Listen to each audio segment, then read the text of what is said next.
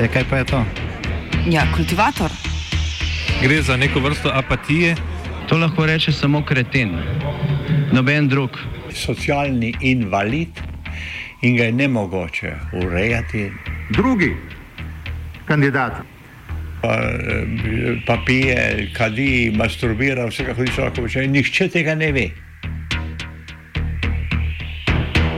Vsak petek skultiviramo dogodek tedna. Lahko po kriterijih radio študent, težko pa po evropskih kriterijih. Ampak na drug način, kot vi to mislite. Kultivator vedno užge. da pač nekdo sploh omenja probleme, ki so in da pravzaprav sploh nekdo sproži dogajanje uh, v družbi. To drži, drži. WHO, that's the World Health Organization, receives vast amounts of money from the United States, and uh, we pay for a majority, a biggest portion of their money. And they uh, actually criticized and disagreed with my travel ban at the time I did it, and they were wrong. They've been wrong about a lot of things, and they had a lot of information early, and they didn't want to. They're very they seem to be very China centric. They called it wrong. They called it wrong. They really they missed the call.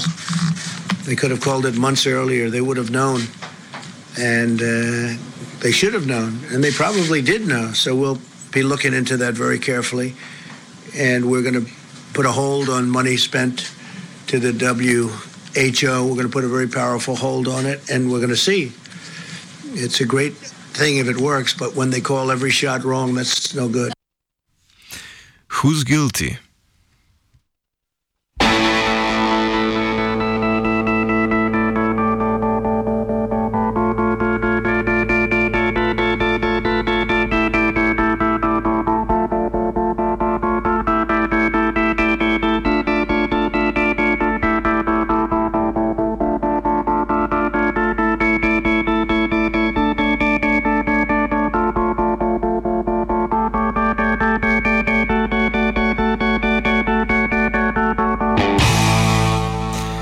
Predsednik Združenih držav Amerike Donald Trump je našel novega grešnega kozla, na katerega lahko vali krivdo za situacijo z novim koronavirusom v ZDA. Te imajo največ primerov okužbe na svetu, za kar Trump krivi Svetovno zdravstveno organizacijo, krajše WHO, ne pa lastne ignorance in zanemarjanja nevarnosti širitve bolezni v Severno Ameriko. Trump je več tednov pred televizijskimi kamerami zatrjeval, da COVID-19 ni nič več kot zgolj neka gripa. V ZDA, edini razviti državi na svetu, kjer nimajo obveznega zdravstvenega zavarovanja za svoje prebivalce, je za posledicami koronavirusa umrlo čez 33 tisoč ljudi v približno treh tednih. Potem, ko se je epidemija začela hitro širiti po skoraj 9-milijonskem New Yorku, je Trump obrnil ploščo in začel trditi, kako je sam predvidel težave, krivi pa so seveda drugi. Govori Bojko Bučar z fakultete na, za družbene vede v Ljubljani. Krivo za koronavirus je seveda kriva najprej Kitajska, pa je WHO, kriv pa je Čeferin, kriv pa je ne vem kdo kriv. Ne. In seveda mi vidimo, da torej pri Trumpu gre za dve zadeve. Ena je to, da je on predvsej zamudil z ukrepi, ki bi jih moral poduzeti, in zdaj seveda treba nekje poiskati krivca.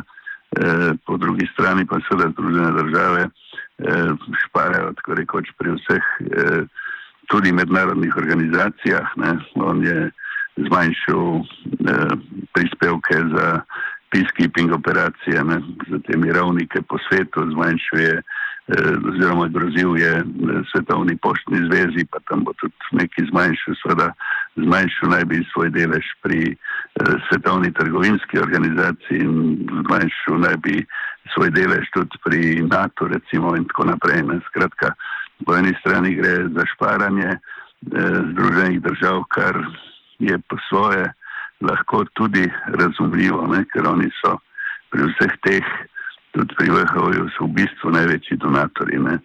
Tako da in vsi seveda želijo, da bi se to malo bolj enakomerno razporedili, tako da tu seveda to so zelo neke racionalne zadeve, ne to, da pa nekoga kriviš, da je kriv za eh, pandemijo, ne, je pa mm, smešno. Najbolj je Trumpa razjezila izjava iz vrha WHO, da ne podpira odločitve predsednika o omejevanju potovanja iz Kitajske v ZDA. Odločitev, ki jo je Trump sprejel 31. januarja, je Svetovna zdravstvena organizacija pospremila s stališčem, da omejevanje gibanja ljudi in dobrin v izrednem stanju ponavadi ni učinkovito. Le dan predtem, ko je nasprotovala omejitvam potovanja in trgovine s Kitajsko, je WHO uradno razglasila, da predstavlja novi koronavirus javno zdravstveno grožnjo mednarodnega pomena. Trump je med drugim celo zagrozil, da ZDA ne bodo več financirale WHO, a si je po novinarskih vprašanjih premislil in dejal, da bo o tem zgolj premislil. Mimo grede, njegova izjava, kako ZDA financirajo večino budžeta WHO, je napačna, ta delež se v bistvu giblje okoli 15 odstotkov.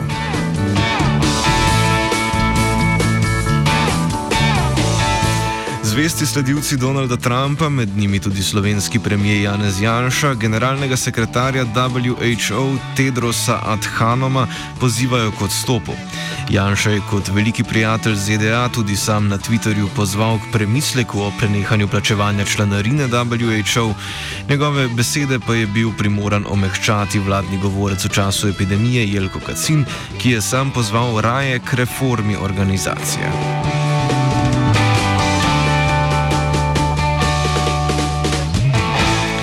Spletna fronta se je medtem odprla tudi na strani change.org, na kateri se je pod peticijo za odstop generalnega sekretarja podpisalo nekaj več kot 800 tisoč ljudi.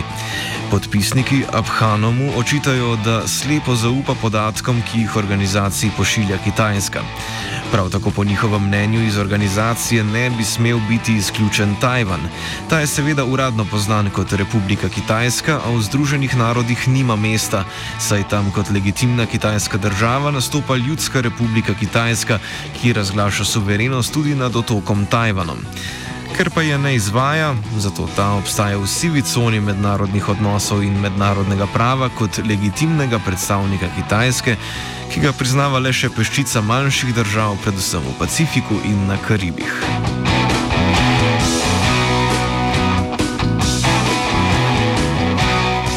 V dvorani ZN-ja pač ne morata biti dve kitajski. Zato tudi v Svetovni zdravstveni organizaciji Tajvan nima mesta, saj ta spada pod okrilje Združenih narodov in je meddržavna oziroma medvladna organizacija. Predvsem z desnice, a tudi širše, se ji pri njenem ravnanju z novim koronavirusom očita, da je odreagirala prepozno.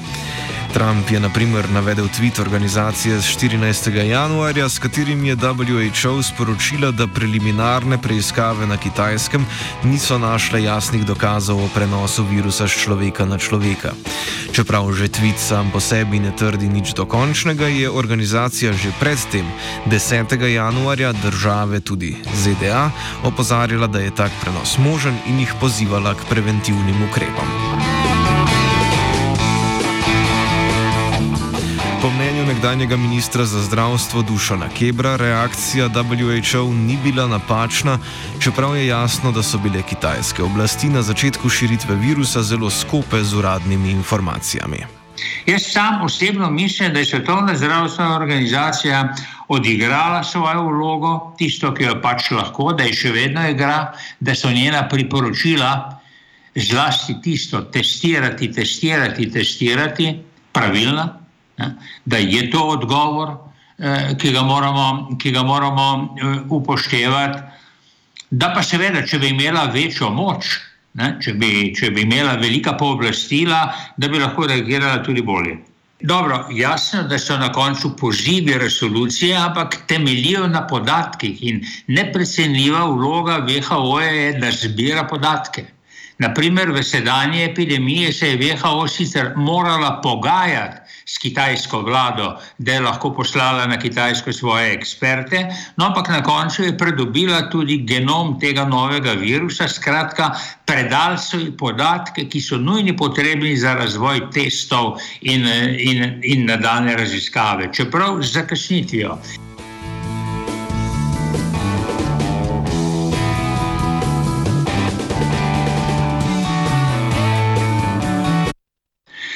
Tako da najbrž bo šele bodočnost, ko se bodo razkrile vse stvari, ne, koliko, koliko časa je Kitajska zavirala uh, informacije, tudi ali sploh vemo, tudi danes, obseg epidemije na Kitajskem in kaj. Uh, Vsekakor je pa sama Kitajska povzročila upočasnitev reakcij drugih držav, vsaj za nekaj tednov.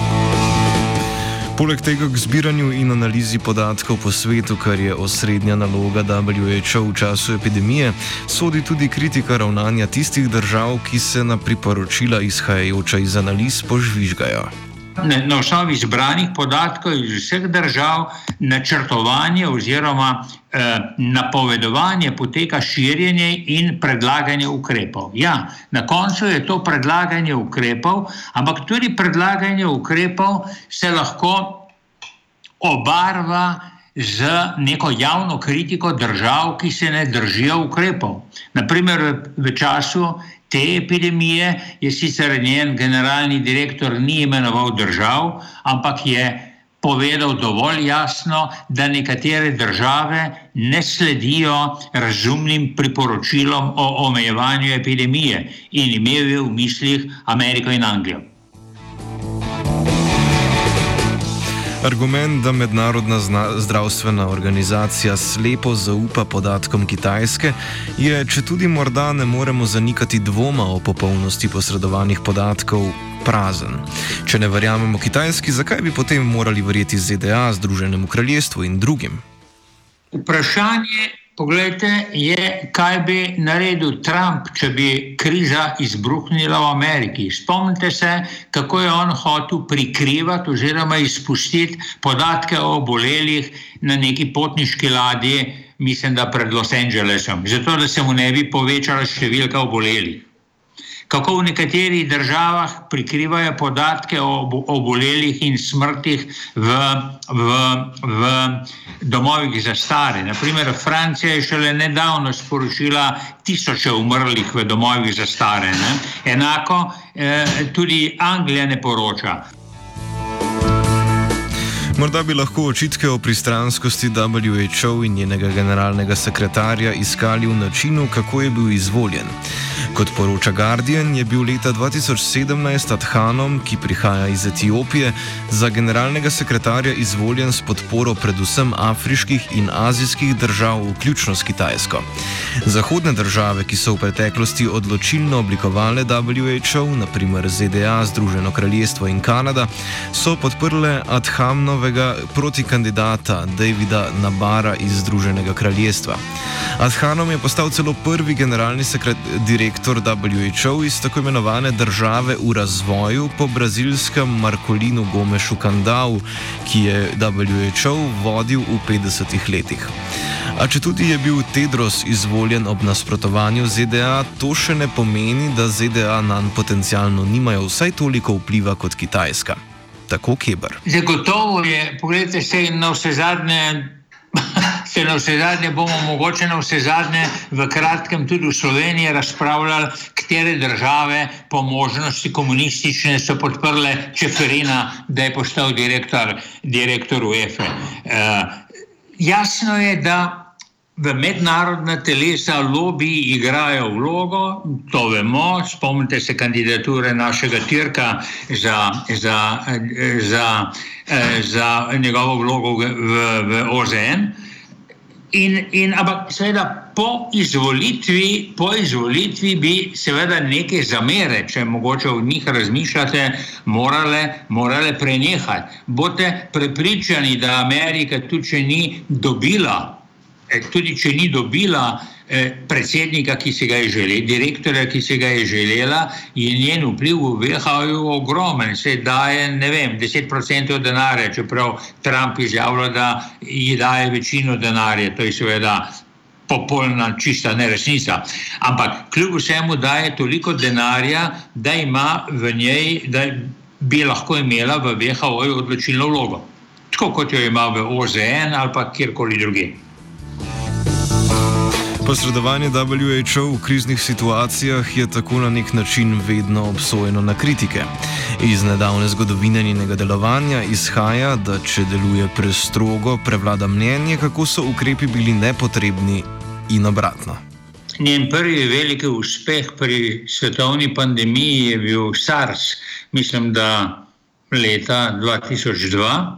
Takrat je uspela celo prodreti in obiskati eh, Kitajsko in dobesedno na pobudo tedanje predsednice Brundtlandove pravzaprav mm, priti do podatkov, ki so takrat manjkali in uspeh pri SARS-u, omejitev epidemije, se šteje za velik uspeh Svetovne zdravstvene organizacije. No, potem je prišla, potem je prišel pa virus, mislim, da H1N1, eh, svinska gripa, kjer, kjer so pa potem Svetovno zdravstveno organizacijo, ker je bila epidemija na koncu razumljena kot razmeroma omejena in majhna, pa obtoževali, da je po nepotrebnem povzročala paniko.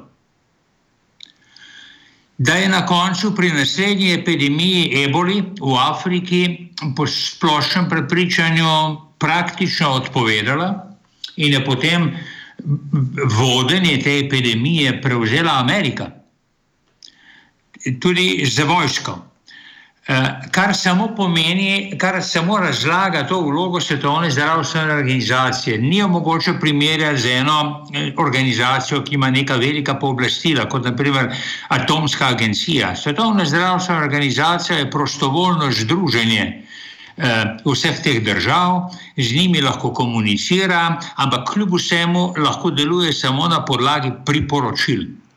No, in tukaj je problem. Ta priporočila se lahko sprejemajo ali ne. In tako kot na vse zadnje lahko rečemo tudi za Slovenijo in naše razmere, ki so se odigrale.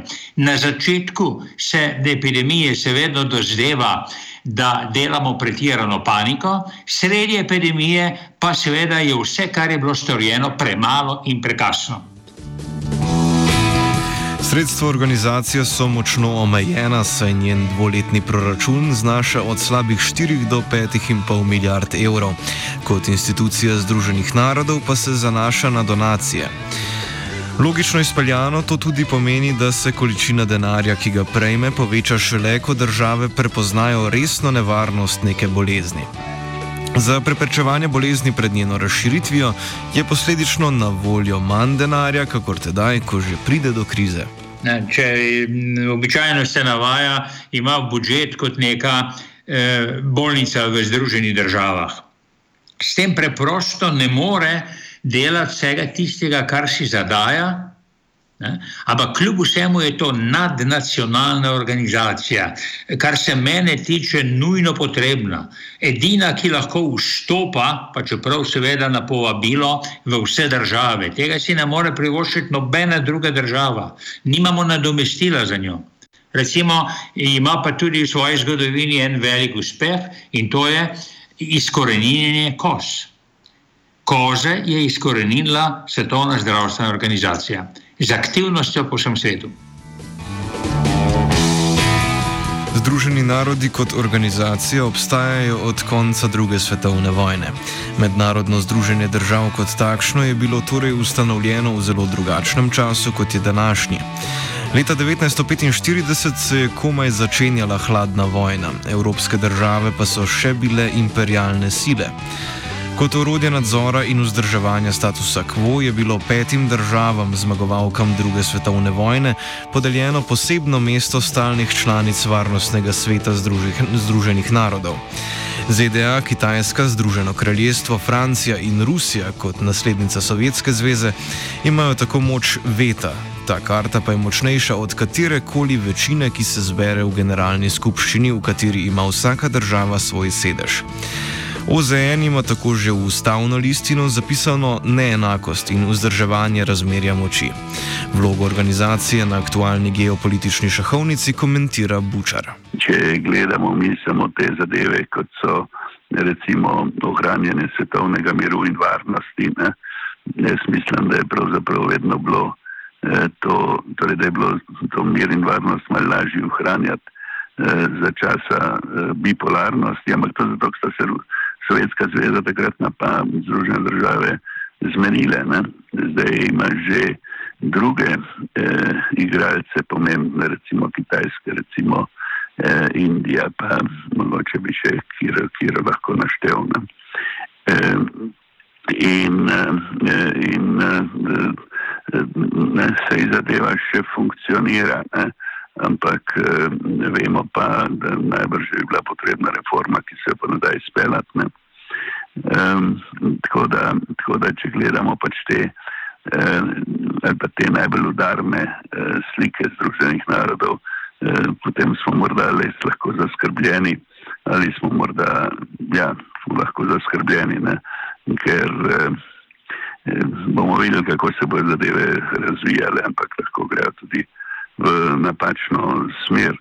To, da generalno gledano, če reče, gledaš Združene narode in seveda vse te razne agencije, ne, eh, ki, ki so okoli njih, ne, pa bi vendarle rekel, da eh, ja, če jih ne bi bilo, bi jih človek moral pravzaprav ustvariti. Poleg WHO tako poznamo še številne specializirane agencije, ki skrbijo za mednarodno koordinacijo držav na področju kmetijstva, ribištva, klime, šolanja, okoljevarstva, zaščite kulturnih spomenikov in tako dalje. Ena najbolj prepoznavnih funkcij OZN pa so naprimer modre čelade, torej mirovne sile, ki patrulirajo na vojnih in povojnih območjih po svetu. Zanimivo, da Združeni narodi od začetka obstoja niso poznali te vloge, pač pa si jo je bolj kot ne izboril Dark Hammarskjöld, drugi generalni sekretar OZN. Države članice tako niso dolžne prispevati k financiranju vse številnejših mirovnih operacij, pač pa to delajo na prostovoljni osnovi.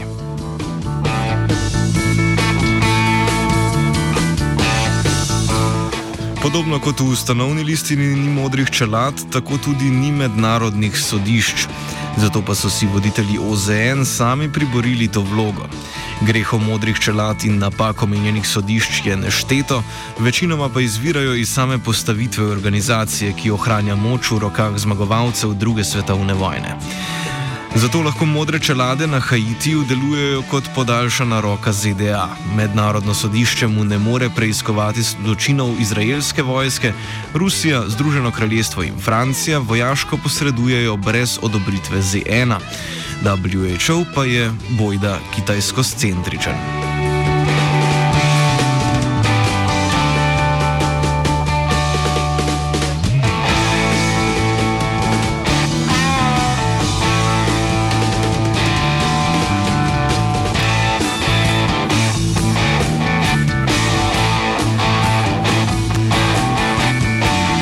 Na podlagi močnih združenih narodov po drugi svetovni vojni je imela močan vpliv tudi WHO, čeprav z neformalnimi nalogami.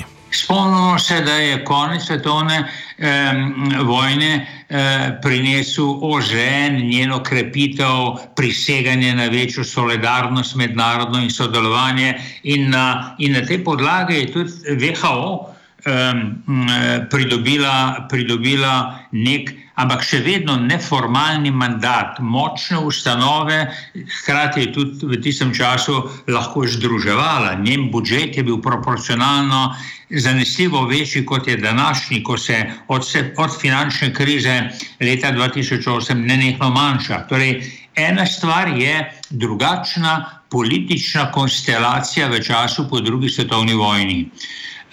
Drugi aspekt, oziroma v nadaljevanju tega, pa lahko v zadnjem desetletju spremljamo te, te eh, povečane nacionalizme, Uh, in lahko bi tudi rekel na nek način, meni sicer priljubljen izraz, čeprav ga težko pri VHO-ju dokažem, neka, neka privatizacija, zatekanje, zatekanje v meje svojih držav. Uh, um, politiki preprosto menijo, da je ne potrebujejo v nekaterih močnih državah, da lahko sami opravijo bolje, da se v teh mednarodnih organizacijah um, trošijo denar.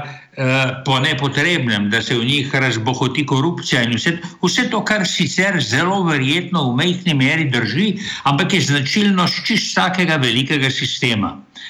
In, ampak gnano na tem in, in tudi na tem, da do nedavna, razen tega zadnjih 20 let, nismo imeli ponovno nekih novih eh, ali pa rečemo modernih eh, epidemij, ne? prva taka je bil SARS. Ne? Eh, se kaže, da, da se tudi nismo vzpostavili nekih standardov, po katerih bi reagirali. Današnjega generalnega sekretarja lahko primerjamo tudi z norvežanko Gro Harlem Brundtland, ki je organizaciji načelovala ob spopadanju s prejšnjo verzijo virusa SARS. Takrat je Brundtlandova preprosto zahtevala in obtožila Kitajsko javno, da ne dopušča da bi, da bi WHO prišla na Kitajsko in Kitajska je takoj popustila in dopustila vstop WHO-ja. To, kar se recimo ne bi zgodilo, če bi tak vstop naprimer, zahtevala neka ekipa strokovnjakov iz neke, iz neke konkretne države. To, da je personalni vpliv v instituciji tako močan, po mnenju Kebra, v nobenem primeru ni dobro. Zelo narobe je, če imamo tako krhek sistem, ki je odvisen od osebnostnih lastnosti posameznika. To je absolutno, to kvečemu dokazuje, da, da, da, da smo naredili šibko organizacijo, oziroma da jo delamo, da jo delamo šibko. In ne seveda pozabiti, da je Brutlandova bila predtem premijejka Norveške, da je bila predtem zdravstvena ministrica, da je ona lahko uh, svojo osebno avtoriteto izvajala neprimerno močneje kot pa naprimer sedajni direktor, pa čeprav je bil tudi zdravstveni minister, eh, čeprav je bil tudi zunani minister, mislim, da iz Etiopije, ne? ampak da je, seveda, da je seveda tudi na tej osebni ravni uh, nekomu ostrejši pristop dovoljen, mogoče, drugemu pa ne. Ampak pravim, to je narobe. Organizacija bi morala imeti jasne poti, mednarodno sprejete in zaščitene strani vseh držav, kaj lahko počne. Ravno tako pa tudi Kitajska, s katero ima danes opravka WHO, ni ista kot tista pred dvema desetletjema. Seveda se ob tem, eh, ob tem razpisuje nasprotniki WHO-ja, da je, da je WHO postala eh, kitajsko-centrična, da popušča, da popušča oziroma da hvali državo, ki je, ki je, ki je pravzaprav naredila prvi največji greh, s tem drugim, s tem drugo trditvijo se seveda strinjam. Kitajska eh, je veliko dolžna preostalemu svetu, ker je zadržal, zadrževala eh, več tedno informacije o novi bolezni, ampak hkrati je pa v, v, na taki ravni, mednarodni ravni, nujno potrebna diplomacija, da sploh prideš do podatkov. Ne znam si predstavljati, da bi WHO reagirala zdaj pri neko veliko obsodbo Kitajske, potem bi pa pričakovala, da bo Kitajska povabila na ogled, kaj počne. Kultiviral je Martin.